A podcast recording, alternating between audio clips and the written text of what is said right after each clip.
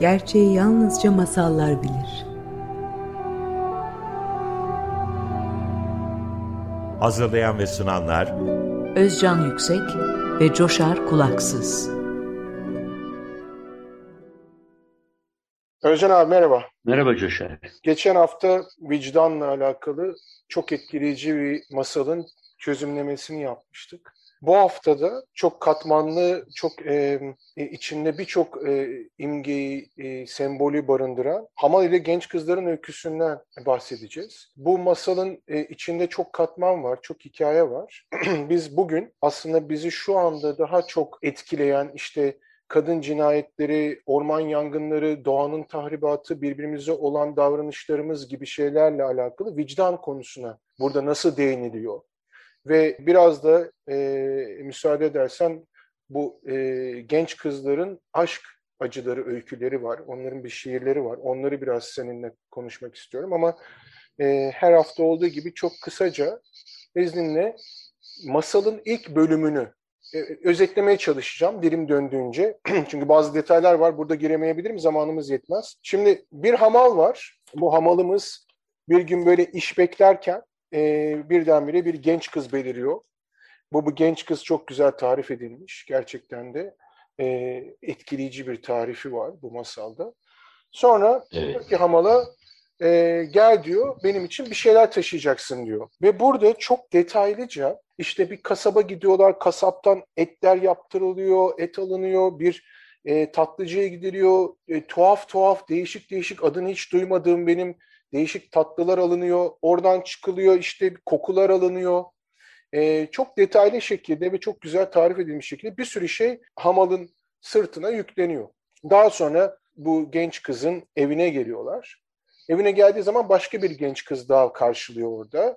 İşte e, selamlaşıyorlar vesaire ve sonunda işte bir şekilde Hamal ikna ediyor, kendisini davet ettiriyor, içeri giriyor. Ve orada bu bir genç kız daha var, üç genç e, kız var ve bunların e, hepsi kardeş, üç kız kardeş. Bu işte Hamal tabii çok etkileniyor e, bunlardan çünkü hepsi çok güzel ve buradaki bir takım işte beden, bedensel tarifler var. E, bence e, merak edenler bu masalı, bu tarifleri okuyabilir. Şimdi zamanımız bu kadar yetmeyebilir detaylarına girmeye ama sonuç olarak Hamal ikna ediyor, orada kal, kalıyor. Baştan, baştan çıkarıcı bir sahne. Baştan çıkarıcı sahneler var. Sonuçta e, şöyle bir şey Anlatılar, oluyor, evet. anlatılar var. Onlarla birlikte işte bir avlu var, avlunun ortasında bir e, mermerden yatak var. Yatağın o bu tarih, bu şeyler betimlemeler çok güzel. İşte bir havuz var. Havuza giriyorlar beraber. İşte ağızlarından su fışkırtıyorlar. Bir takım yani neşeli ve e, erotik çok erotik bir sahne. Hamal dahil tabii. Kızlar ve hamal da geliyor. Tabii hamalla birlikte. Yani burada bir evet. cinsel ögeleri e, çok e, yoğun olan bir, e, bir, bir sahne var ve üçüyle ayrı ayrı yaşadığı bir durum var. Şimdi Sonuç olarak tabii böyle eğleniyorlar, içiyorlar, yiyorlar falan. Sonra diyorlar ki artık sen git hamala. Yani genç kızlar diyor ki artık sen gidebilirsin. O da diyor ki ben, ben gitmeyeyim diyor. E, kalmaya e, kalayım diyor. Siz genç kızlarsınız. Hem de bakireymişsiniz. Zaten bu işin başında onlar bakire olduklarını söylüyorlar. Burada buna bir vurgu yapılıyor. Biz bakireyiz diyor. Kalamazsın falan diyor aslında. Onu atladım söylemeyi. Ama Hamal yine de ikna ediyor. Kalıyor. Ama sonuçta diyorlar ki artık senin gitme vaktin geldi. Ee, öyle böyle tartışırlarken bizim Hamal yine ikna ediyor. Diyor ki ben sizi korurum, kollarım vesaire. Ee, o zaman diyor ki en büyük kız kardeş, bak diyor şurada kapının üzerinde yazılan şeyi oku. Bunu yapacağına söz verirsen kalabilirsin diyor. Orada da şunu yaz, yazılıyor kapının üstünde. Ben bunu kendi ofisimin kapısının üstüne de yazacağım. Hoşuna, hoşuna gitme hoşuna gitmeyen şeyler işitmek istemiyorsan seni ilgilendirmeyen konularda konuşma. Genç kız diyor ki en büyük kız kardeş Hamal'a bunu oku buna itaat edeceksen kalabilirsin diyor. O da diyor işittim ve itaat ettim diyor Hamal. Ve peki diyor kal diyorlar o sırada kapı çalıyor. Bir bakıyorlar Hamal gidiyor kapıyı açmaya. Üç tane acem böyle diyarı Rum diye de tanımlanan işte Rum diyarı işte tabii ki bizim anladığımız Anadolu demek. evet, Anadolu. Diyar Rum demek An- Anadolu demek. Evet. Burada tabii İran'la Anadolu'nun kesiştiği bir şey. Acem de e, hani burada güzel bir açıklama var Alim Şerif Onar'ın. Acem aslında Arapçayı e, sonradan öğrenip konuşanlara verilen bir atmış e, bu açıklamada. E, ama daha çok burada bir İranlılar için kullanılan bir şey. E, ya burada üç tane e, her birinin sol gözü kör olan üç kalender yani üç derviş gibi e, adamla karşılaşıyor. Onlar bir kalacak yer arıyorlar. E, Hamal geliyor diyor ki böyle bir şeyler var yer arıyorlar zararsız gözüküyorlar. Ne yapayım diyor. O zaman onlara da söyle diyor. E, hoş, hoşuna gitmeyen şeyler Okusunlar. işitmek istemiyorlarsa ilgilendirmeyen konularda konuşmayacaklarsa girsinler diyor. Eşiğin üstünde yazıyor değil mi o? Evet, kapının Ben öyle üzerine yazıyor. Bunu Evet, oku. evet. Evet, kapının eşiğinin Evet, üstünde yazıyor. Böyle. Evet. Ondan sonra e, işte tabii bu arada yine bizim üç karakterimiz e, Harun Reşit, Cafer ve Mesrur. Bermaki. Evet, Cafer Bermaki, Bermaki. Celladi Mazı. Mesrur. Bunlar tabii e, yine kılık kıyafet değiştirerek şehre inmişler. Bağdat sokaklarındalar. Ve e, kolaçan ediyorlar gece yarısı ve bir bu tabii bu kızlar hamal bu arada tabii bu işte bütün erotik sahnelerde işte müzikler çalıyorlar, eğleniyorlar, sesler geliyor. Bu e, üç kalender ya da derviş gelince de devam ediyorlar. Sesi duyunca Harun Reşit diyor ki ya burada ne oluyor bu eğlence ses mes nedir gece gece? İşte e, Cafer e, işte hep bizim söylediğimiz gibi onun usunu, aklını temsil eden ya karışmayalım falan diyor. Harun Reşit diyor ki yok merak ettim girelim bakalım diyor. Bunun üzerine kapıyı çalıyorlar. Yine hamal açıyor. Diyor ki işte böyle böyle onlara da o eşikteki şeyi okutturuyorlar. Bakın bu şartla girebilirsiniz.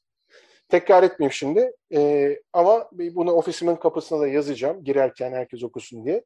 Ondan sonra e, onlar da giriyorlar. Burada işte hepsi avluda toplanıyor. Yedi tane erkek oluyor. Üç genç kıza karşılık yedi erkek. Burada tuhaf sahneler var. Çok detaylarına giremeyeceğim. Okunması lazım ama sen belki onları biraz anlatmak istersin.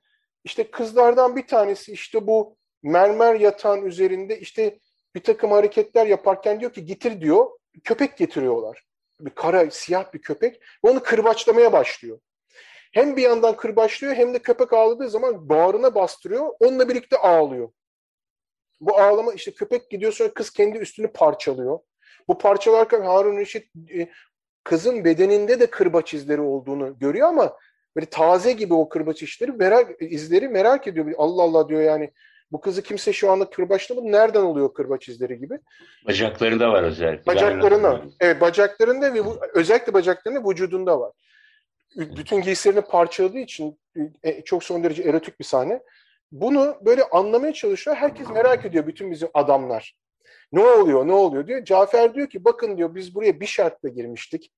Hoşumuza gitmeyen şeyleri işitmek istemiyorsak bizi ilgilendirmeyen konularda konuşmayacaktık. Sormayalım diyor Cafer. Harun. Reşit de tabii e, biliyoruz ki şöyle bir şey. Hükümdar ve her şeye hakim ve bazen kendi iktidarını, erkini elinden kaçırdığı için Cafer'e diyor ki vallahi bu böyle bir şey olmaz. Ben diyecek, diyor ki merakımdan ölürüm. E, o yüzden diyor soralım diyor. Ve kızlara soruyor. Diyor ki ya diyor bu dedi diyor nedir? Niye kendinizi kırbaçlıyorsunuz? Bu köpekler nedir? Bu kırbaçlama olayı nedir? Neden ağlıyorsunuz? Falan dediği anda en büyük kız kardeş çıkıyor diyor ki ben size söylemiştim sormayacaktınız diyor.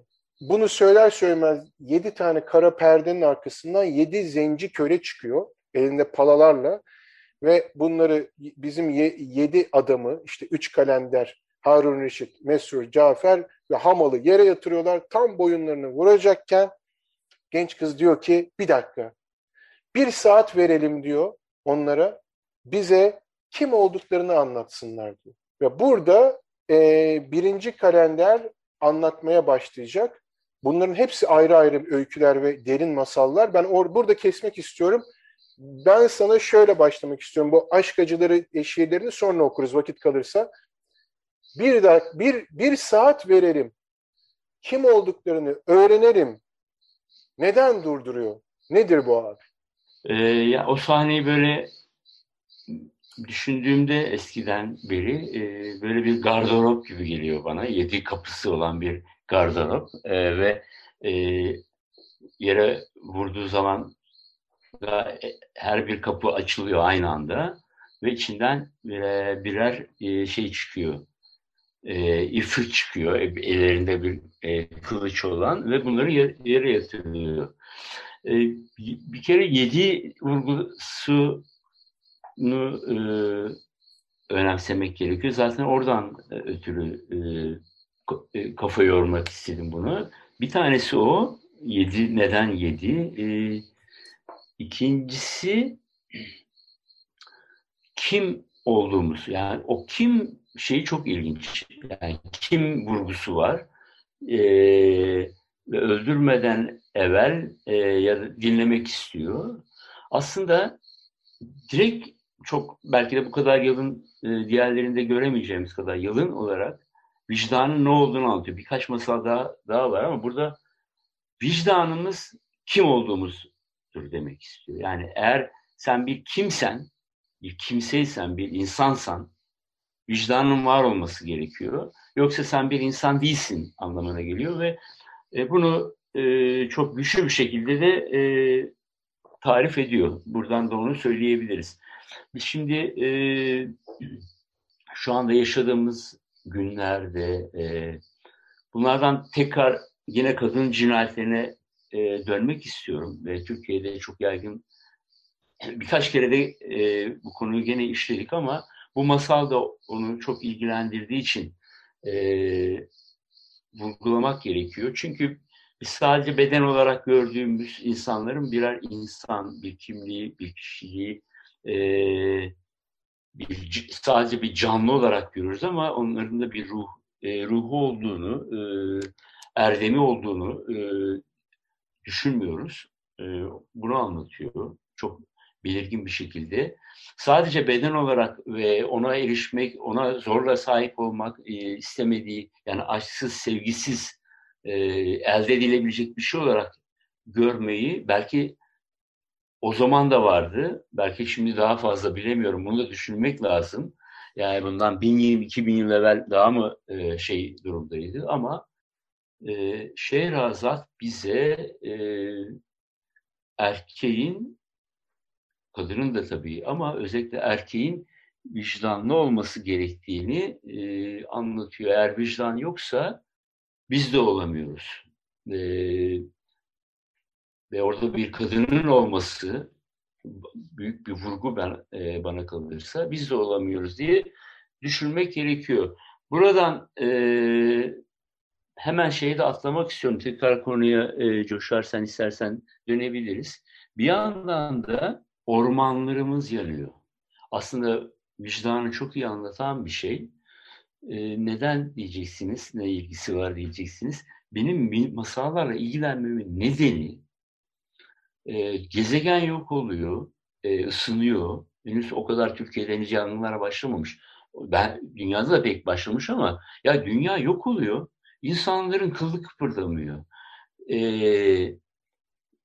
ne kadar vicdansızca bir bir çağda yaşıyoruz deyip geçmiş zamanla bugün arasında ne fark vardır diye düşünme kararı alıyorum. Bir tanesi e, Mevlana'nın e, yolculuğunu yapmamın sebebi bir tanesi oydu. Bir tanesi de masallardı. Yani geçmiş zamanda bugün arasındaki fark biz masalları yitirdik. Masalların anlamlarını yitirdik özellikle. Ee, işte benim gibi e, ya da bu işlerle ilgili başka insanlar da varsa ben tabii ilgilendim. Mümbir Gece Masalları çözümleyen kimseyi görmediğim için bununla ilgilendim. Ee, onun dışında bunlar bir kenara atılmış önemsizleştirilmiş. Ya bunlar işte çocukların ilgileneceği şeyler haline getirilmiş. Oysa ki bizi e, bilinçlendiren, e, farkına varmamızı ve vicdanımızı sağlayan buydu. Vicdansız olmamızın nedeni de e, bence masalların olmaması. Biraz abartılı gibi gelecek ama bence başka bir örnek yok. De birinin görüşüyle değil. Bizden evvelki bin yıl, iki bin yıl, üç bin yıl masalların başladığından itibaren ki e, bizim atalarımızın, dedelerimizin bize anlatmak istediği şey bu. Tamam masallar güzeldir ve iyi vakit geçirmemizi de sağlıyor ama öğrenmemizi de sağlıyor. Bunu söyleyebilirim. Yani e, şöyle bir şey de hissediyorum. En azından iki kişiyiz. Özcan abi sen ve ben. Evet. en azından bu evet. gezegende iki kişiyiz. E, senin sayende ben de bu konulara takıldım. Ama e, şu masalların başlangıcında, Binbir Gece masalların başlangıcında vurgu yapıldığı gibi geçmişin öykülerini saklayıp anlatılanlara hamdolsun diye başlıyor. Çok enteresan evet. bir dua gibi. Yani aslında e, bunu saklayıp bunu anlatabilmek ve başkalarının anlamasını sağlamak sanki bir e, ibadet gibi görülüyor. Evet, en, en evet. kutsal şey gibi yani başlangıçta bu yazıyor ve ben çok önemsiyorum çünkü biz insan olarak ancak başkalarının e, hikayelerinden ve tecrübelerinden faydalanmayı bilebilirsek e, daha erdemli ve güzel bir hayat yaşayabiliriz. Kendimiz için en azından. Evet, bir şey daha e, bu yani bu gene çok gündemle ilişkili bir şey aklıma geldi gene. E, dün yani ormanlar yanıyor. E, aslında ormanların yanmasının bir sebebi var. E, fakat insanlar bunu fark etmiyor. Hem Türkiye'de fark etmiyor hem dünyada fark etmiyorlar. Bir anlamda e, erk her zaman ifrit e, şeyin Şehrazat'ın anlattığı tarifle e, sorumlular bu işin sebeplerini yaratanlar e, sorun, sorunu yaratanlar ve bunu e, bertaraf etmesi gerekenler de gerçeği görmemizi görmememizi istiyorlar. Yani haberleri saklıyorlar, gerçek gerçekten haberleri saklıyorlar. E, bir distopya yaşıyoruz. Hem ormanlar yaşıyor, yanıyor, hem ormanları yakıyorlar, hem ormanların kolay yanabilecek hale geliyorlar. E, bir yandan da bunların duyurulmasını da istemiyorlar. E, böyle böyle olunca Binbir Gece masallarının e, anlamı, e, insanları gerçeği aktarmanın anlamı da önemli. Ben e, televizyonu çoğu seyretmem televizyonu maç falan dışında seyretmiyorum çünkü bana acaba gerçeği anlatıyor ya bu haberler öyle şey işte haberler. Eskiden tanınmış güvendiğimiz e, spikerler vardı işte. Şimdi adını hatırlamıyorum ama e, onlara güvenirdik. E, ya şimdi acaba dedim, bana gazeteyi açıyorum. Önemli bir gazeteyi, eskiden meşhur bir gazeteyi. Acaba bana ne yalanı söylüyor diyorum ya da ne gerçeği saklıyor. Bu dehşet değil mi? Bir yandan da işte gerçeğin e, böyle saklanması bizim bu Büyünbirce masallarını bilirsek eğer e, oradaki e, biz onu çözümlememiz gerekiyor o zaman. Televizyonu açtığımızda ya da gazetenin sayfasını, birinci sayfasını açtığımız zaman şu gazete, bu gazete, Hürriyet, e, Star TV var mı bilmiyorum. Show TV neyse. Reklama onlar, onlar bizden neyi saklı? Evet. evet. Yani gerçeğin kendisini e, hangi gerçeği nasıl saklıyorlar bunun bir yöntemini de öğrenmiş oluyoruz e, diye düşünüyorum. Yani bunu ben bu sabah düşündüm. Yani evet. e, gerçeği saklıyorlar ve gerçeği yalnızca masallar bilir. Şimdi ben izninle e, senin bu söylediğin şeyleri bir ekleme yapacağım. Şimdi burada e, konudan biraz e, sapar gibi olsak da aslında hepsi global bir düşüncenin, yani erdemin yok olması. Aslında masalların birincisi erdem. Nasıl yaşamalıyız? Neden yaşıyoruz? Ve onları nasıl tamamlayabiliriz anlatan şeyleri hiçbir okul öğretmiyor bize. Okula gittiğimiz zaman mesela bu hafta bence bunu bahsetmeyeyim. Gelecek haftada merak etsinler. Gelecek haftaları o zaman anlatalım. Kötülük ve iyilik nedir? Ve kötülükle nasıl savaşılır? Mesela ben şöyle bir acizlik görüyorum ve insanların bunu aslında ifritin ekmeğine yağ sürmek olduğunu farkında olmadığını da farkındayım. Sosyal medyayı takip ediyorum abi. İnsanlar e, harıl harıl bir takım paylaşımlarda bulunuyorlar. Şimdi bu paylaşımların birçoğu suçluluk duygusundan. Aslında olan bitene evet. olan tepki değil. İnsanın insanların ben bunu görmediklerini zannediyorum. Çünkü masal okumadıkları için aslında kendi yaptıkları paylaşımın kendi vicdanınınla olan hesaplaşması. Hayatında bir tane ağaç dikmemiş, bir kere bir hayvanı düşünmemiş, bir kere birisine yardım etmemiş bir insan olduğundan neredeyse emin olduğum birisi tuhaf bir duyarlılık içerisinde olabilir zaten ne güzel duyarlılık içerisinde olsun ama o paylaşımının evet o ifrit tarafından aslında acizlik olarak algılandığını fark etmiyor. Tuhaf bir şey. Çünkü e, kendi hesaplaşmasının içine giriyor. Bu kendi hesaplaşmamızın değil aslında bütün bir şeyin bizim ele almamız gerekiyor. Yani vicdan dediğimiz şey senin geçen hafta da vurguladığın gibi, şimdi de vurgulamaya çalıştığım gibi biz karşımızdaki canlının bir ruhu olduğunu, o ağacın, o kuşun, o köpeğin, o insanın e, sadece bir hamal gibi bedenen e, görürsek, bir eşya taşıyan bir şey, bir ruhu olduğunu unuttuğumuz zaman vicdanını da unuturuz. İşte zaten o yüzden insanlar anlayamıyor. Neden suçluluk duygusu duydun? İşte bu yüzden. Çünkü vicdansız yaşıyor. En kendisini vicdanlı sanan insan bile vicdansız yaşıyor. Çünkü bugüne kadar hiçbir şey yapmamış ki bununla ilgili. Ve yapmamanın da yapmak olduğunu unutmuş aslında. Şimdi yani ben... ambalajından oyuncak ambalajını çıkarıp treni kurup çalışacak. Yani her şeyi hazır alıyor ya e, bir menüsü var.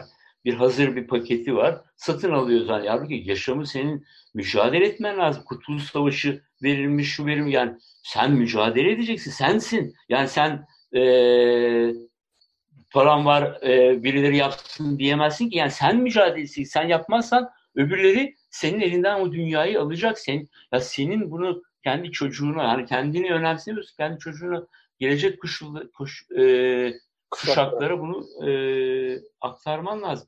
Yani insanlar oy veriyorum e, ya da e, şunu yapıyorum bu yeter diyemez. Derse yet, yetmez yani bir ya da iki kişiyle olmaz bu. Tam burada o zaman bir araya gireyim. E, son bölüme gelirken bir kere bu masalımıza dönelim. Orada e, bu bir dakika kimmiş sorusu çok önemli. Çünkü o zaman o karşındakine bir beden, bir e, sadece bir e, materyal gibi değil, ruhu olduğunu anlayınca bir kimlik kazanıyor.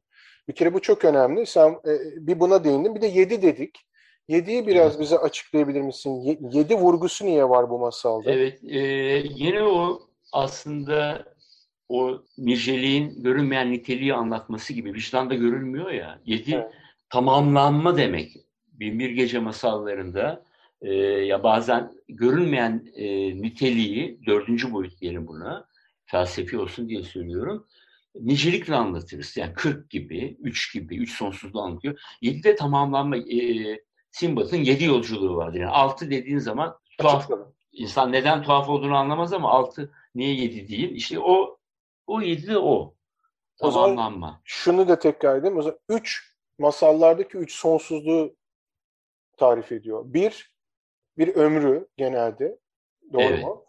Yedi tamamlan. Evet. Yedi tamam. Biz bunu e, yeri geldikçe bahsedeyim. Rakamlar çünkü çok önemli. E, görünmeyen niteliği anlatmak için e, evet, sen evet. vurguluyorsun hep. E, insanlar bunu okuyup geçiyor, okuyup geçmemeli. Çünkü mesela dört de çok önemliydi. Çünkü dört kez ağını atıyordu balıkçıyla evet, ifrit evet. masalında. Orada bir, evet. bir matris tamamlanmasını e, evet. vurgusu var. Yani her kelime, her rakam e, Binbir Gece masallarında ve genel olarak masallarda bir önemli bir şey temsil ediyor. Einstein'ın tarzını benimsiyor. Einstein'ın e, MC karesini masallar böyle, e, böyle tarif ediyor. Şimdi e, vaktimiz doldu gibi. E, senin söylemek istediğin bu vicdanla alakalı e, başka bir şey var mı? Bu masala gönderme yaparak ya da gönderme yapmayarak vicdanla ilgili söylemek istediğin bir şeyler var mı Özcan abi? Kesin olarak bir özne olmak, bunu bunları yani bir özne olmak önemli. Hep izleyici değil, özne olmak. Yani ya, yaşamın kendisinin e, içerisinde bir özne olmak. Bir de nesne olabilirsin. Yani o yaşamın içerisine katılmak, senin bir kahraman olmak. Kahraman olmak kesin olarak bir şeyi kurtaran değil. Yani bir şeyi kurtaramamak da bir kahraman. Yani bunu hissetmen, bunu e, davranışlarında e, kapıdan çıkarken kendinin kendi yaşamının e, dünya ile bağlantılı mı? Ben değil. Ben yaşıyorum. Başkası önemli. Başkaları da yaşadığı için ya da başkaları yaşayamadığı için de sen yaşıyorsun. Böyle bir bütünün içerisinde bunu algıladığımız zaman e, hem vicdanlı yaşamış oluyoruz hem de gerçekten yaşamış oluyor. Öbür türlü gerçekten yaşadı, yaşadığını kanıtlayamazsın kendini. Yani bir e, patates baskısı gibi e, çıkan e, sahnelere dönüşürsün. Bize masal hep bunu anlatıyor. E, evet. Hep bunu anlatıyor. Yani yaş, yaşayabilmeni sağlamaya çalışıyor. Çok güzel. Abi şimdi biz bunlardan daha hep bahsetmeye devam edeceğiz. Ee, bu e, haftaki zamanımız dolarken bu senden aslında e, çözümlemeni ve anlatmanı istediğim aşk acıları şiirlerine geçemedik. Ona gelecek hafta geçebiliriz. Hatta belki e, kalenderlerin öykülerinden bahsedebiliriz. Orada çünkü kötülüğün e, nasıl dişil enerjiyle yenilebileceği hakkında bize bazı fikirler veriyor. E, belki bunun üzerinden konuşabiliriz. E, son olarak ben izninle şöyle söyleyeceğim, senin söylediklerinden yola çıkarak. E, hayatımızın öznesi biziz. E, nesnel kalmak bizi bir yere kadar götürebilir. O zaman sadece nefes alıp vermeye başladığımızı görürüz. Yaşamak başka bir şey. O yaşamanın da bir tek kahramanı var kendimiz için, kendimiziz. Doğru mu abi? Bu özetle bitirebilir miyiz bu hafta evet, Evet, evet. Yani çünkü yaşamı çok hızlı sanal sanal olanı yaşam olarak zannediyoruz. Nefes almayı bile e, unutuyoruz. O yüzden yani çok belirgin bir şekilde insanlara bunu hep hatırlatmamız gerekiyor. Tamam. Peki o zaman izninle bu haftalıkta programı kapatalım. Gelecek hafta buluşmak üzere. Hoşçakalın. Hoşçakalın.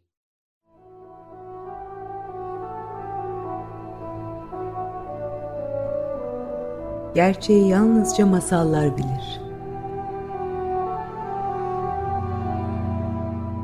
Hazırlayan ve sunanlar Özcan Yüksek ve Coşar Kulaksız.